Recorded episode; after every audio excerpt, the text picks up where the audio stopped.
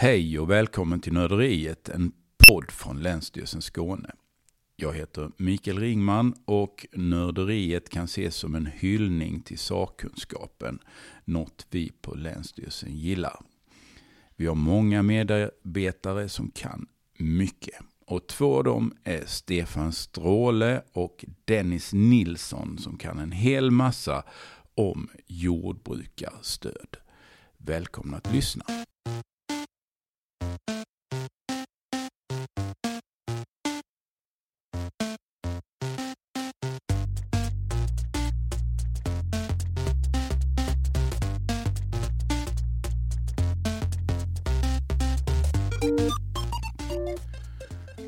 Stefan och Dennis, nu får ni presentera er och berätta lite var ni jobbar.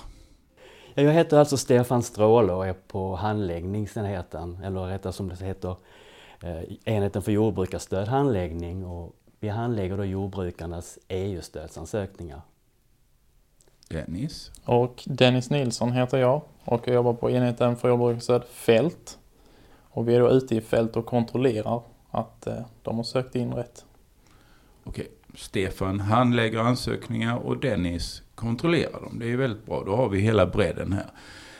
Eh, jordbrukarstöd är kanske någonting som alla som lyssnar inte har full koll på. Så jag tänkte vi kör en liten historielektion här och då får eh, du Stefan hjälpa mig här lite grann. Ehm, hur, alltså hur länge har vi haft jordbrukarstöd i det här landet?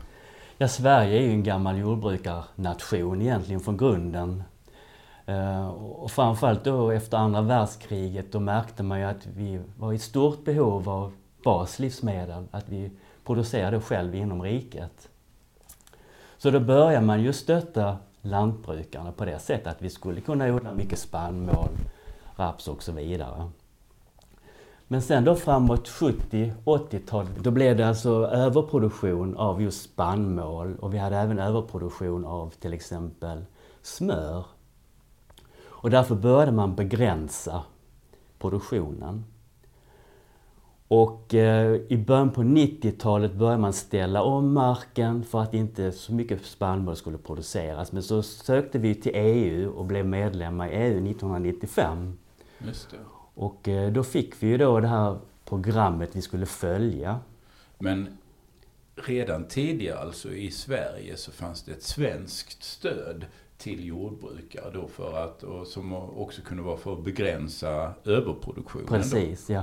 Det var ju som så att odlar man till exempel då spannmål så fick man fasta priser. Även om det var överproduktion så fick man samma pris och därför blev det ju ett berg av just spannmål som producerades. Och därför skulle man då ställa om marken då kanske ha vissa fält då som man inte odlade någonting på, så kallade trädor då. Mm. Mm. Och eh, vi har ju hört mest om jordbrukarstöd nu sen vi gick med i EU. Hur förändrades det då?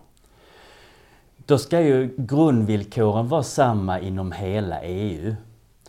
Eh, för tanken är ju att vi ska öka produktionen igen och vi ska då ge lantbrukarna en skälig livsstandard. Och vi ska försöka också stabilisera marknaden genom att EU bestämmer liksom vilket regelverk vi har. Och märker då EU att nej men, nu spårar det här ut, nu producerar vi för mycket spannmål kanske igen. Att det då sätts ett nytt regelverk till det. Och vi ska ju också trygga livsmedelsförsörjningen Eh, försörjningen här. Ehm, så att eh, vi ser ju här nu med kriget i Ukraina till exempel. Att Ukraina är ju ett stort jordbrukarland som har exporterat väldigt mycket till EU bland annat. Nu följer den produktionen bort. Och därför har vi då inom EU och Sverige har ju också utnyttjat den möjligheten att odla nu spannmål på så kallade undantagsmarker som trädorna var. Hur skulle ni generellt säga att jordbrukarstöden fungerar i EU? Är det ett bra system? Ja, alltså alternativet är ju annars att vi betalar kanske 25 kronor litern för en mjölk. Istället för att vi betalar 13-14 kronor nu. Mm. Eh, frågan är liksom hur ska vi subventionera Ja, nej men jag förstår att... Mm. Eh, eh, men vi har alltså samma system inom hela EU? Ja. Eh, till en början så var det olika ersättningar i de olika länderna. För när- 2005 när vi gick in med till exempel, vi hade stödrätter hette det, att ett hektar motsvarade en stödrätt. Och då hade den ett visst värde som man då fick utbetalt i grundersättningen. I Holland eller Nederländerna då, där var ersättning betydligt högre än vad det var i Sverige. Men efter åren har gått så har det värdet utjämnats. Så de sista eh, sju åren kan man väl säga är det samma värde som alla länderna i EU får. Mm. Det är grundersättningen.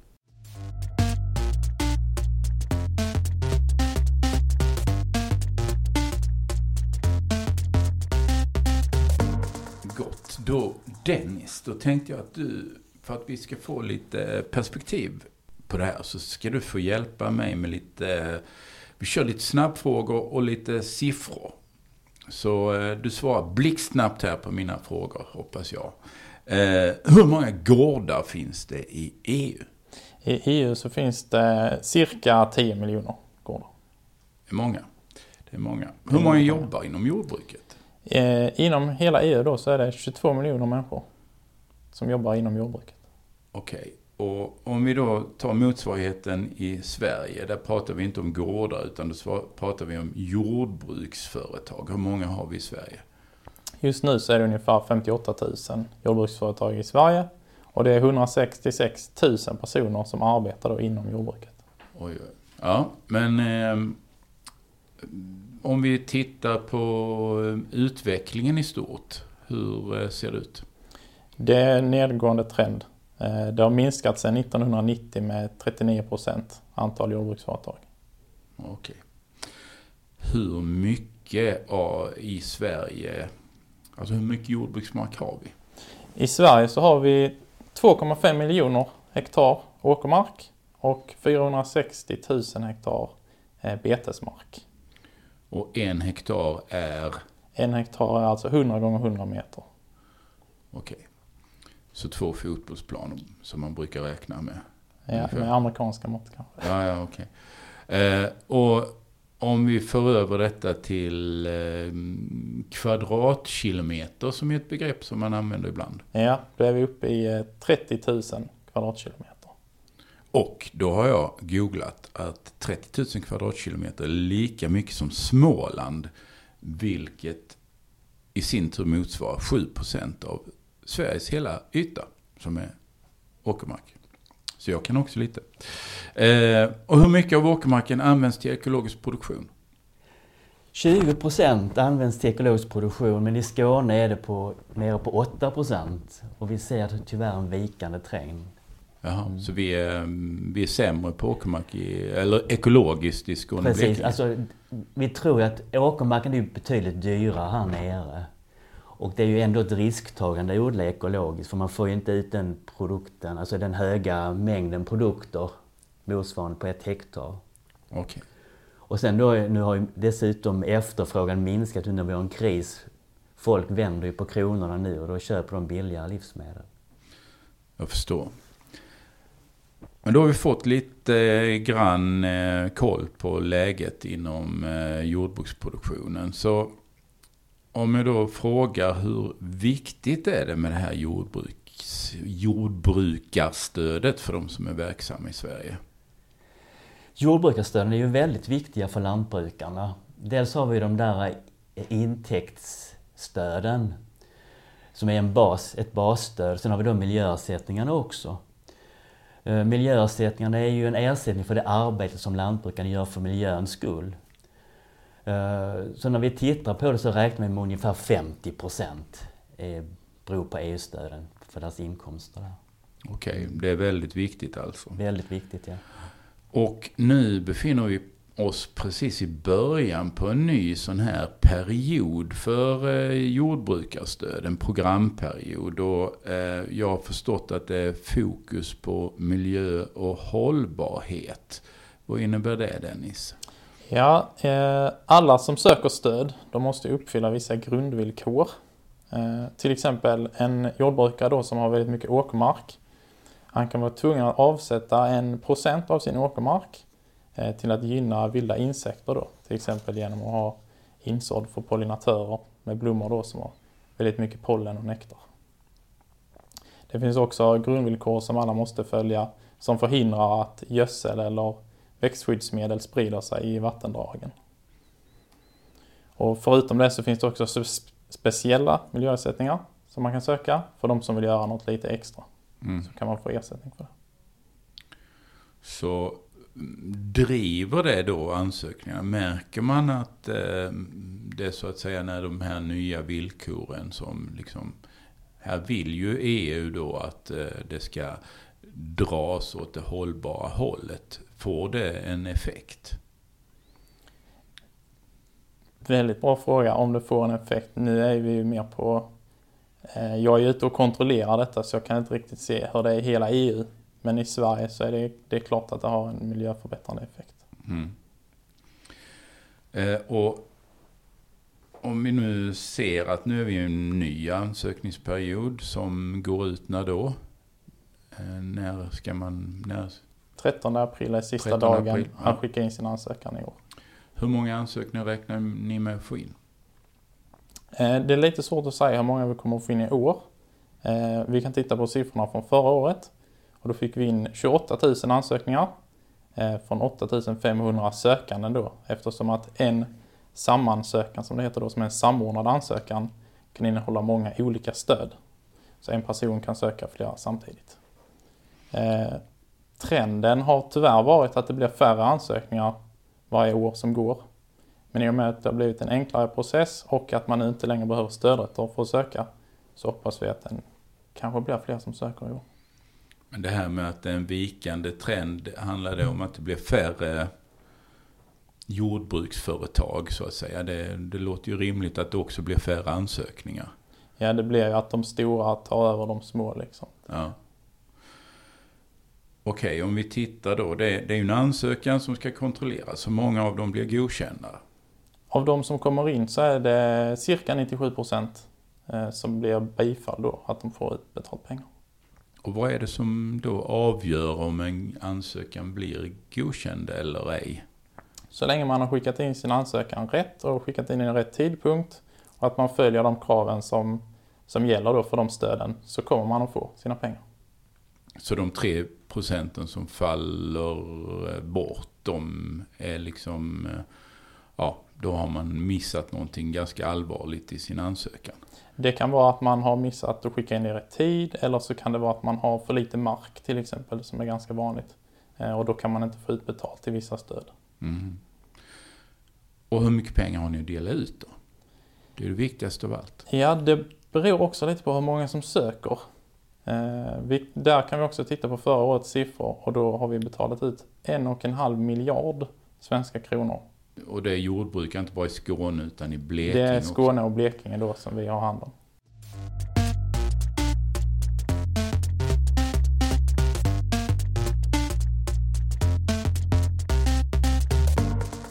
Nu är det en ny programperiod. Stefan, är det någon särskild eh, nyhet som du vill eh, highlighta? Ja, det som är viktigt är att de som söker unga jordbrukarstödet, att de ska ju bifoga ansökan eh, och det ska vara då examen från gymnasiet. Och har man inte gått en gymnasieutbildning så kan man även bifoga ett arbetsgivarintyg där, som motsvarar då 12 månaders arbetslivserfarenhet från jordbruk eller trädgård. Sen har vi även några nya miljöersättningar som driftsätts från och med i år. Mm. Och vi talar ju hela tiden om jordbrukarstöd. Men ni nämnde ju det här tidigare att det inom, det finns ju flera olika stöd. Berätta om det där, hur det förhåller sig. Ja, varje lantbrukare skickar in en ansökan Eh, och den ansökan kan innehålla upp till nio ansökningar om utbetalningar. Dels då grundersättningarna, sen även då miljöersättningar som de kan söka och kombinera. Sen finns det även eh, vår systerenhet som jobbar med investeringsstöd, startstöd som också lantbrukare kan söka. Gör de det samtidigt eller gör de det i en annan ansökning? Det är en annan ansökan där ja. Okej. Mm, ja.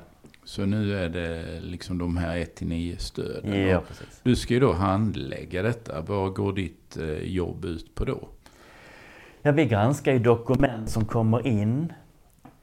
Vi tittar även på om, om det är flera lantbruk som söker på samma mark, för det är ju inte tillåtet. Um, lantbrukarna skickar ju in ändringar fram till den 15 juni. Och de ska ju handläggas om. Om vi har då handlagt en ansökan får vi handlägga om igen. Mm. Eh, Sedan då visade det sig att lantbrukarna har fått för mycket utbetalt. Till exempel när Dennis har varit ute och kontrollerat och, och konstaterat att arealerna inte är lika stora som finns i ansökan. Då blir det ju återkrav som vi får göra sen. Mm. Men om man tar nu i den här själva ansökningsrundan. Får ni många frågor om detta? Ja. Eh, lantbrukarna sitter i regel själva och gör ansökan men de kan även anlita konsulter. Och eh, just nu är det väldigt mycket frågor om hur man ska fylla i ansökan, vilka regler som gäller. Ehm, så vi har ju då telefonjour just nu 9 till 12 och sen 13 till 15. Och sen eh, när vi närmar oss då slutet på ansökansperioden då så i april har vi öppet då mellan 8 till 16. Och sen eh, även i vissa fall ända till 21 på kvällen. Mm. Men så har vi även resursbrevlådor så att eh, kan ju även mejla in till oss. Mm. Vilka är de vanligaste frågorna ni får? Eh, Det är ju när de har eh, lagt in sitt fält i sin ansökan och undrar kan jag söka den här miljöersättningen till exempel? Vad är det för regler som gäller? Och då försöker vi förklara regelverket och det står ju väldigt bra information även på Jordbruksverkets hemsida. Så många är ju egentligen väl förberedda och har redan läst där och sen vill de då ha ytterligare information från oss. Mm. Du säger att man lägger in sitt fält. Alltså, är det någon... Eh, hur funkar det? Är det någon eh, karta som ska in eller hur? Ja, man, ja precis, man kopplar ju en karta till sin ansökan och sen så klickar man då på de markområden som man vill söka, som man liksom odlar på. Och eh, där anger man då vilken grödkod man har, vilken areal marken har. Eh, Och sen kan man då, eh, det som är väldigt bra med det här systemet är att det känner av om man ligger till exempel i ett nitratkänsligt område. Då kan man söka vissa miljöersättningar. Så då kommer det upp på automatik och då får då lantbrukaren ta ställning till om lantbrukaren vill söka just de miljöersättningarna eller strunta i det. Så detta är en särskild karttjänst. Det är inte eh, Google Maps man går in i utan man ska in i någon särskild eh, GIS-karta. Ja precis, där, det påminner lite om Google Maps. Det, för det, det, det är alltså en grundkarta som är Eh, grå kan man väl säga med de olika markområdena. Där ser man ju även gårdar och vägar och, och sjöar. Och sen kan man koppla på ett ortofoto. Och då ser man ju betydligt bättre om verkligen marken ligger rätt kopplad på kartan. Mm. Ja, men det måste ju vara, mm, alltså om jag då eh, går in och eh, liksom ritar min karta så är det ju bra om jag ritar 10%, 10% fel på rätt håll så att säga. Då får jag ju 10% mer ersättning. Ehm, hur kollar du det Dennis? Jo, när, när man gör en fältkontroll så har man med sig en handdator. Så då har jag datorn på min arm och på den så har jag då en karta. Där jag kan se din ansökan. Och jag har också GPS i min dator. Så för mig så är det enkelt att se direkt i kartan att nej, nej, här har han ju ritat helt fel. Han har ju ritat utanför sin åkermark till exempel. Och är det någonting som ser konstigt ut i kartan så kan jag alltid gå dit och titta. Och med hjälp av GPSen då mäta in exakt Mm. rätt arealer. Men du, förra året fick ni ju in 8500 ansökningar. Åker ni ut till 8500 eh, jordbrukare och kollar detta? Nej, utan varje år så får vi en kontrollfrekvens då. Hur många som vi ska kontrollera. Så det varierar från år till år. Till exempel under pandemin så var det lite lägre. Okej. Och eh, om man då eh, åker ut och tittar, hur, i hur många fall eh, hittar ni avvikelser så att säga? Eh, det är ganska vanligt att man hittar mindre avvikelser som eh, inte är fel som lantbrukaren kanske kunde uppmärksammat. Eh, utan att han har gjort så gott han kan och ritat in. Men när vi kommer dit så mäter vi in det noggrannare och då ser vi att nej, här var det en liten differens. Liksom. Men det är ingenting som i slutändan påverkar lantbrukaren. Om han har gjort så gott han kan så är det ingenting som han blir straffad för. Och om ni ser att eh, det skulle vara, ja men du har ju mätt 10% för lite här. Då kan man få mer pengar. Man kan tyvärr inte få mer pengar detta Nej. året. Eh, men om vi säger att jag utökar hans mark så kan han söka på det nästa år. Okej. Så man kan inte få mer än vad man har sökt för. Men man kan få mindre än man har sökt man för? Kan få mindre. Okej. Så eh, i hur många procent av eh, ansökningarna hittar ni avvikelser?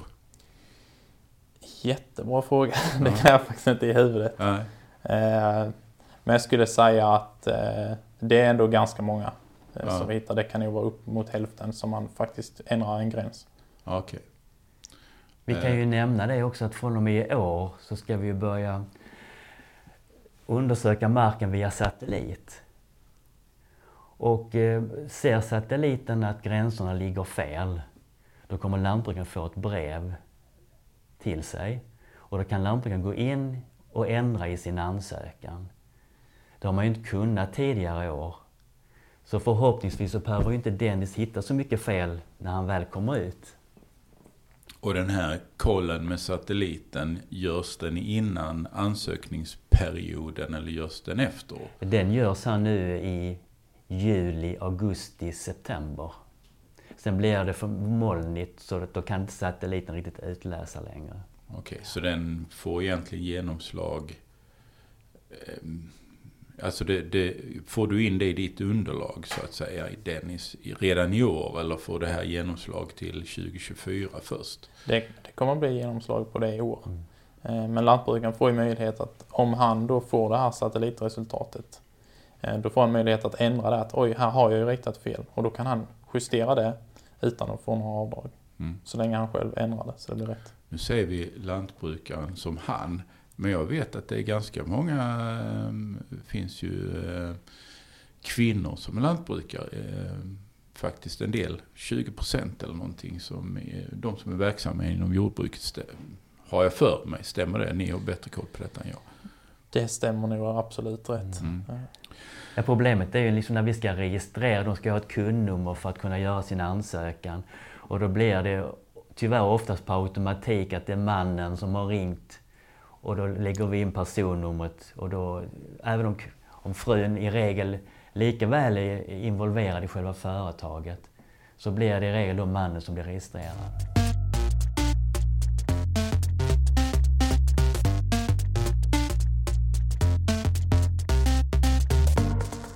Det här med satellit som eh, du pratar om, var ju, det låter ju intressant. Alltså om jag tänker rätt här så innebär det att det egentligen blir en starkare kontroll nu. För nu kommer ju alla marker att kontrolleras jämfört med då vad satellitdatan ger.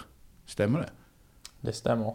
Eh, så om satelliten ser någonting som ser konstigt ut så kommer eh, den som har sökt att få ett brev hem där det står att på ditt skifte 2A kan vi säga då som exempel. Eh, här är en avvikelse, vad beror detta på? Och då kan eh, jordbrukaren själv gå in och ändra i sin ansökan om det är fel. Eller med hjälp av en app i telefonen ta en bild och bevisa att nej men det är rätt, se här på bilden. Okej, så satelliten kan fortfarande, den kan göra fel? Den kan göra fel. Det kan vara moln, eller det kan vara mycket träd så det kan vara svårt att se en betesmark till exempel att den har blivit betad. Och den här, jag måste fråga lite.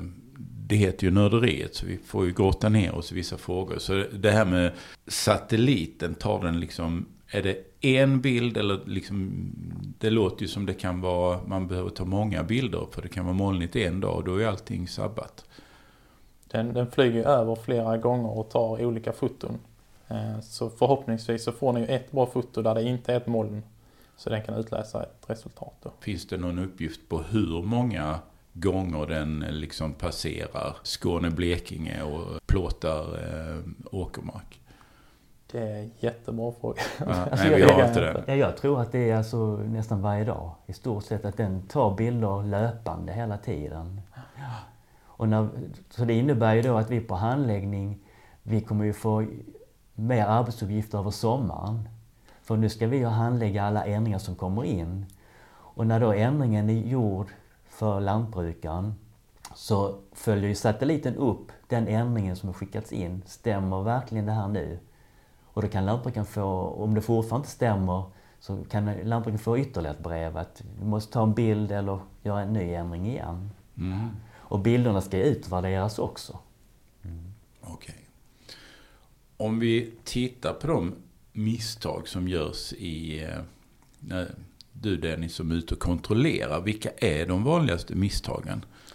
Det, de vanligaste misstagen är att man har kopierat föregående års ansökan. För ISAM internet så, så finns det ett alternativ då att du kopierar det som du sökte in förra året.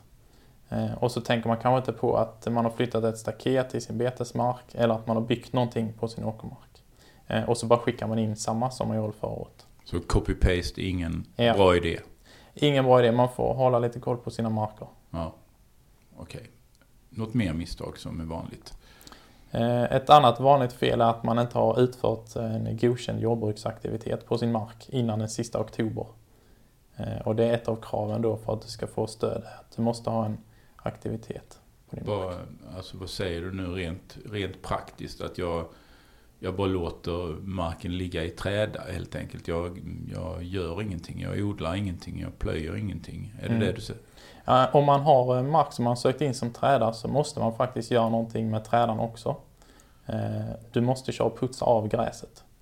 Till exempel. Jaha, så att man kan aldrig bara... Att, att ligga i träda är ändå en aktivitet. Så det är, trädorna ska också ha aktivitet. Ja. Eh, men det finns särskilda datum då för att du får inte göra det för tidigt. För det kan vara fåglar som häckar i det höga gräset till exempel. Eh, så man ska göra det på sensommaren eller på hösten. Okej. Okay. Orsaken är ju också att en träda ska ju förbli jordbruksmark. Där får liksom inte börja växa in sly. Och då är det ju inte jordbruksmark längre. Och vi vill ju behålla och bevara jordbruksmarken. Okej, okay, jag förstår. Om vi sen tar nästa skede. När allting är, när ansökan är handlagd, kontrollen är gjord, justeringar eh, hanterade, då ska ju pengar betalas ut. Hur går det till? Jo, då eh, gör vi så att vi beslutar ett underlag och sen så tar Jordbruksverket det, tittar på det och sen så betalar de ut pengar till den som har sökt. Okay. Och så i sin ansökan så fyller man i sina bankuppgifter och så går det rakt in på kontot. Då är det ju förmodligen en ganska stor pott som kommer på ett bräde. Ehm, jag kan tänka mig att ehm, ehm, lantbrukaren har ju utgifter under hela året. Går det liksom att få förskott på sina, sin utbetalning på något sätt? Det finns eh, delutbetalningar och sen så finns det slututbetalningar då. Eh, så man kan få en del som delutbetalning och det börjar i år i november, och december. Och slutbetalningen kommer? Och det är lite beroende på vilket stöd det är. Eh, vissa stöd har ingen delutbetalning utan då får man allting på en gång. Så hur långt fram kan man eh, få sina, alltså hur länge kan man behöva vänta på pengar? De senaste som kommer, de kommer 2024 i april. Och det är för vissa miljöersättningar då. Okej. Okay. Annars så bör man ha sina pengar i slutet på detta året eller början på nästa år. Jag förstår. Eh, men nu är vi fortfarande alltså inne i eh, ansökningsskedet. Ska ni dra eh, tiderna igen så att alla har det klart för sig när allting måste vara klart? Ja, den 13 april är ju sista ansökan utan avdrag. Och sedan fram till den 8 maj kan lampan komma in, men då blir det 1 avdrag per arbetsdag. Sedan kan även lantbrukaren eh, lägga till mer mark fram till den 15 juni. Sedan har vi den 31 augusti där lantbrukaren kan rätta upp sin ansökan med gränserna via den här satelliten då. Så är det eh, sista oktober, fram till sista oktober kan de dra tillbaka hela skiften då. Så om satelliten har varit ute och flygit över din mark och sett att nej, här har du inte putsat din träda då till exempel. Mm. Så säger du nej, det hinner jag inte i år. Då kan du dra tillbaka hela skiftet så får du inte några pengar för det. Mm. Jag måste ställa några frågor till om satelliten. Kan den alltså, kan man via satellit alltså se om en lantbrukare har putsat sin träda eller ej? Den, den, kan se om du har, om du har eh, klippt av gräset. Den kan inte se om du har putsat den eller skördat den. Men den kan absolut se att du har huggit av gräset. Vi kan ju säga det så också att den tar ju inte så skarpa bilder, så den tar inga bilder på människor och, och bilar och sådana saker. För det blir för pixlat. Mm. Utan den behöver liksom större ytor den kan jämföras med. Men den skulle i princip kunna se om jag har klippt gräset hemma. Ja. Beror på hur stor gräsmatta du har. Men... ja, ja. ja, men väldigt intressant. Äh, fascinerande det här. Äh, tack Stefan Stråle. Tack Dennis Nilsson. Det har varit superintressant att få lära sig mer om jordbrukarföretag. Och äh, den 13 april är ett viktigt datum. Tack till er som har lyssnat. Vi hörs igen i ett helt annat ämne. Hej hej!